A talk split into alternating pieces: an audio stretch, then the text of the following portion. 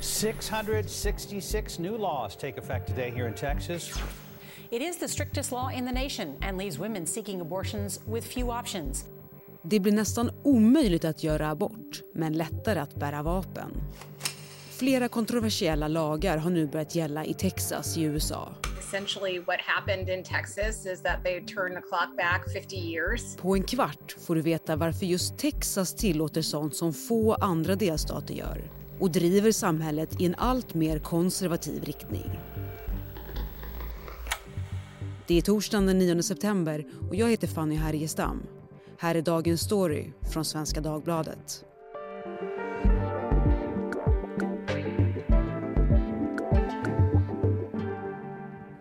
Jenny Nordberg, du skriver utrikesanalyser för Svenska Dagbladet. Du bor i USA sedan många år tillbaka, är expert på USA och amerikansk politik.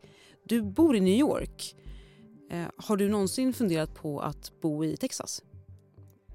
Nej, men eh, varenda person jag någonsin har träffat från Texas har jag verkligen, verkligen gillat. De är stora personligheter. De är otroligt stolta över att de kommer från Texas.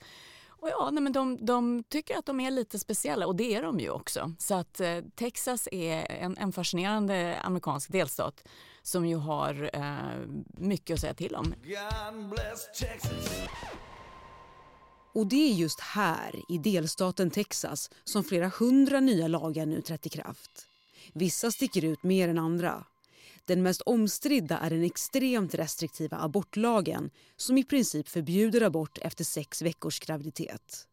En annan uppmärksammad lag gör det lättare att bära vapen synligt medan ytterligare en annan begränsar hur lärare får undervisa om rasfrågan i skolan. Men varför går de här kontroversiella lagarna igenom just i den här delstaten? Texas har ju varit republikanskt då nästan i 20 år. Och det är ju så här att det politiska krig, det kulturkrig, den polarisering som pågår i USA där går ju Texas i bräschen för republikanska partiets hårda kärna. Och har man då en republikansk guvernör som man har och en delstatsregering som är republikansk plus att de då lyder under en federal domstol som också är dominerad av republikaner. Då är det, det är därifrån man testar. Det är därifrån man försöker pusha. Det är därifrån de här allra mest striktaste lagarna, till exempel kring abort, kommer. Så att det är ju ett större politiskt spel också som inte bara handlar om Texas. Utan det är lite för att visa så här att det här är den republikanska utopin. Det är här vi går först, det är här vi driver det längst, det är här vi, vi, vi testar gränserna allra, allra hårdast. Och det är ju då för att tala till den republikanska basen och också delvis så säga, provocera och, och eh, pusha allra mest.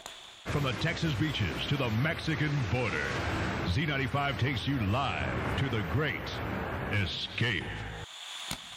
Det är inte så att alla är väldigt konservativa i Texas. Det är ganska stor skillnad på städer och på landsbygd. En kristen, lite mer konservativ landsbygd ofta med en jordbruksnäring och väldigt moderna, som vi skulle kunna associera till nästan västeuropeiska större städer som är då mer liberala och även befolkade av demokrater. Många svarta Texasbor också, så det är inte så att det är helt och hållet konservativt. Men det är republikanerna som styr i staten.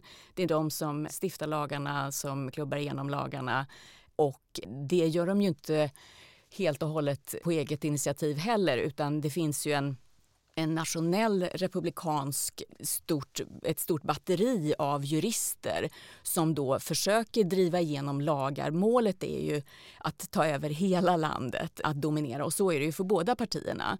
Och då hjälper man ju ofta lagstiftarna i Texas att komma på nya kreativa lagar för att då försöka driva dem vidare från delstaten till federal nivå och i slutändan att kanske prövas av Högsta domstolen så att det ska bli lag för hela USA.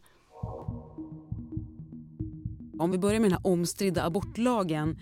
Heartbeat Bill kallas den. Varför kallas den så? Mm. Då hävdar man från konservativt håll att vid sex veckor så kan man urskönja hjärtslag på det som inte ens en gång räknas som ett foster utan bara ett litet embryo. Och då är det ju så att på ett ultraljud så kan, då, då kan man urskönja lite grann av en, det som en vibration av det som ännu inte är hjärtat men som ska växa till ett hjärta. Ett foster är ju inte livsdugligt förrän uppemot 24 veckor. Så att det här är precis, precis i början. Och då säger man att från de som då kallar sig för ja till livet, det vill säga att man ska inte få göra abort, att där börjar livet. Och då är ju tanken att en kvinna ska känna då så att åh titta här är, du kan inte höra de här men det ger som ett litet litet litet utslag då på en ultraljudsmaskin och ångra sig och eh, vilja fullfölja graviditeten. Och då kallar man det här generellt då för, eh, det finns i, i många andra eh, amerikanska delstater också i eh, bibelbältet främst, de här eh, heartbeat bills som är de allra mest restriktiva abortlagarna millions of children lose their right to life every year because of abortion. In Texas, we work to save those lives. Den här abortlagen är utformad på ett slugt sätt. Det är inte kvinnan som genomgår en abort som riskerar att straffas utan de som på olika sätt hjälper henne. Kanske läkaren som utför ingreppet eller kvinnans pappa som skjutsar henne till kliniken. De riskerar att stämmas och få betala så höga böter att deras liv slås i spillror. Och det här är ju då väldigt effektivt för att det innebär på en gång att det är ingen som varken har råd eller vågar hjälpa kvinnor att få abort. Så att det innebär att de allra, allra flesta aborter blir helt omöjliga. Och vad det här innebär i praktiken är ju alltså som ett medborgargarde som ska skapas. Du och jag kan också anmäla misstänkta abortmedhjälpare. Så att det blir ju som ett angiverisystem. Så att det är inte bara den faktiska konsekvensen så här att någon skulle dömas till böter och 10 000 dollar det är mycket pengar, det slår ju ut ett helt liv många gånger. Men det är ju också den här att du höjer nivån för misstänksamheten, för oron, för osäkerheten, vad det är som gäller. Och Det skapar ju ett väldigt speciellt samhälle så här när man ska ange varandra. We're seeing people outside of clinics um, documenting license plates, uh, you know, taking pictures of, of people going into clinics. Det här är ju då lite kanske raljant uttryckt. Det här drabbar ju inte i första hand välbeställda vita feminister utan det här är ju någonting som en dubbelarbetande ensamstående mor med en tonårsdotter som lever under kanske fattigdomsgränsen den här lagen gör inga undantag för den som har blivit våldtagen, för den som har blivit gravid genom incest till exempel.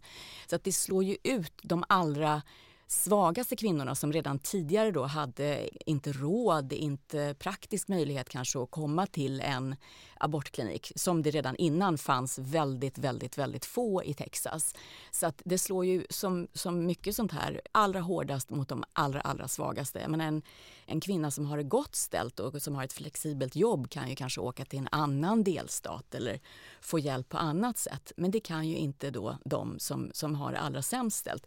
Och de är ju i väldigt hög grad svarta amerikaner och svarta kvinnor. Så att det förs ju fram väldigt skarp kritik också nu i USA från andra sidan om att det här också är en väldigt rasistisk lagstiftning. Ja, men och just när det gäller den här abortlagen, den har ju gått rakt upp till Högsta domstolen.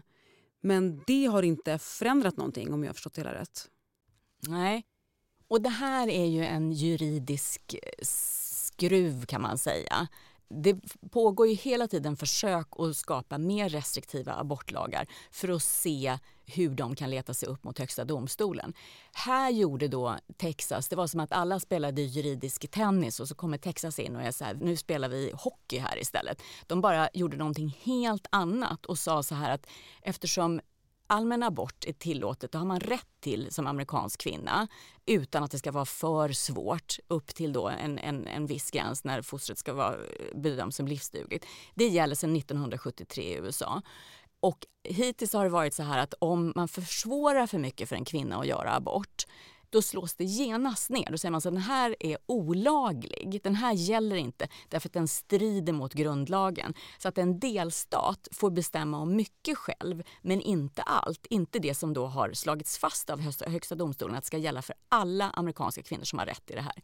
Det som Texas då gör är att säga så här att vi skapar det här angiverisystemet med ett liksom, privat medborgargarde vid sidan om med ett, ett straffsystem. Alltså det är som en gammal westernfilm så här när de utlyste bounties på, på flyktingar eller, eller sådana som hade flytt från fängelser.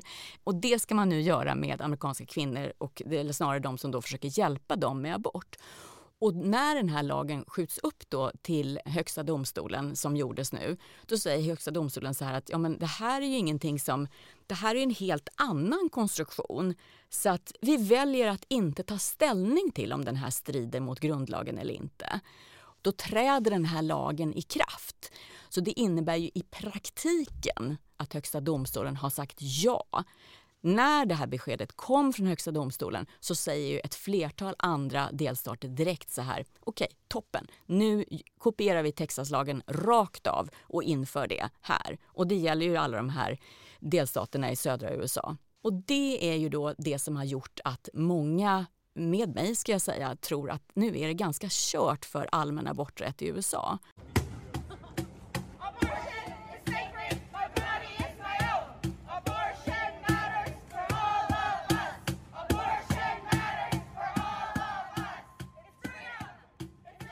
Men det är som sagt inte bara Texas abortlag som diskuterats intensivt i USA senaste tiden.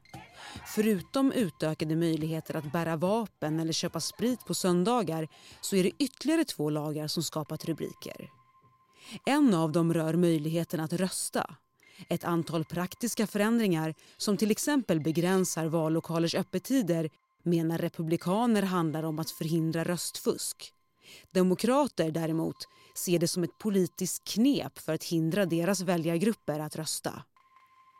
Och sen har vi den här lagen som handlar om ras, eller snarare hur lärare ska få undervisa om ras i skolan. Ett känsligt ämne, inte minst i den amerikanska södern med sin mörka historia. Det här som kallas för critical race theory då i USA den nya lagen i Texas den är kanske den mest säga, den flummigaste nästan. Därför att det innebär lite så här att lärare inte får ta upp vissa ämnen eller de måste vara opartiska och, och, vem ska då kolla det? Hela diskussionen handlar ju om så här i vilken mån får man tala om inte bara att USA då har problem med rasism, men hur blev det så? Hur avspeglas det i systemet, i, i rättssystemet till exempel, eller i, i utbildningssystemet? Eh, så det här är ju en del av den amerikanska högerns ganska Ehm, att, att man har tagit då en akademisk disciplin, ett akademiskt område och sagt att det här är skadligt. Det här är någonting som vi inte vill ska diskuteras. Men sen exakt vad det innebär i praktiken, det frågar sig ju många lärare också. Så det är samma sak där. Det, allt det här kan ju knytas ihop med, med, faktiskt med rasfrågan. Både med aborter och även med eh, hur man drar om de här röstningsgränserna och så vidare. Därför att, eller, eh, och, gör, och gör det mycket svårare eh, för svarta amerikaner, för fattiga amerikaner, vilket ofta är samma sak i det här fallet, att rösta. Och nu också detta. Allt det här hänger ju ihop så tillvida att det är de här, det är de här ämnena som är man har helt olika uppfattning om vad de innebär. Alltså de har helt, två helt olika verkligheter. Och det handlar ju om att öka också oron, öka misstänksamheten. Om du tänker då att du är en lärare till exempel i Texas. Vad får jag säga? Vad är okej? Okay? Hur ska jag uttrycka mig? Blir eleverna upprörda? Berättar de för sina föräldrar hemma? Får jag sparken då? Vad kan jag säga? When you have the truth you know, and, and, and truth is based on facts, not opinion, it's based on facts. You should be able to teach that, regardless of how uh, beautiful that truth is or how damaging that truth may be. Men alla de här grejerna är ju juridiska spetsfyndigheter som sen då blir väldigt, väldigt konkreta och som ökar oron på något sätt och, och, och ökar misstänksamheten mot varandra. Så det är, det som, det är de väldigt konkreta resultaten det får. Och eh, alltså utvecklingen som vi nu ser i Texas med de här nya lagarna, alltså hur, hur långt kan den gå? Hur länge kommer de få hålla på på det här sättet innan det kan komma en motreaktion? Ja, alltså hela vägen till USA blir precis som Texas är ju naturligtvis målet för de som vill det.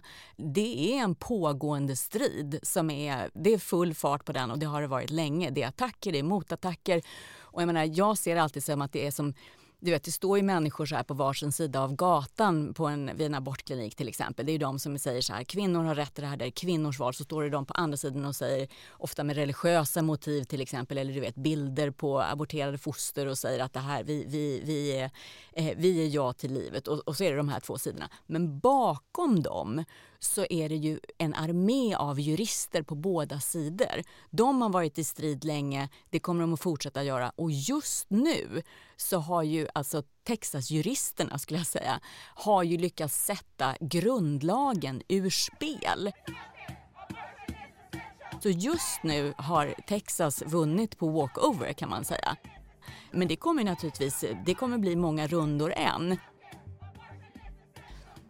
Tack så mycket, Jenny Nordberg. Tack. Vi som gjorde programmet idag är producent Daniel Persson Mora och redaktör Maria Jelmini. Jag heter Fanny Härgestam.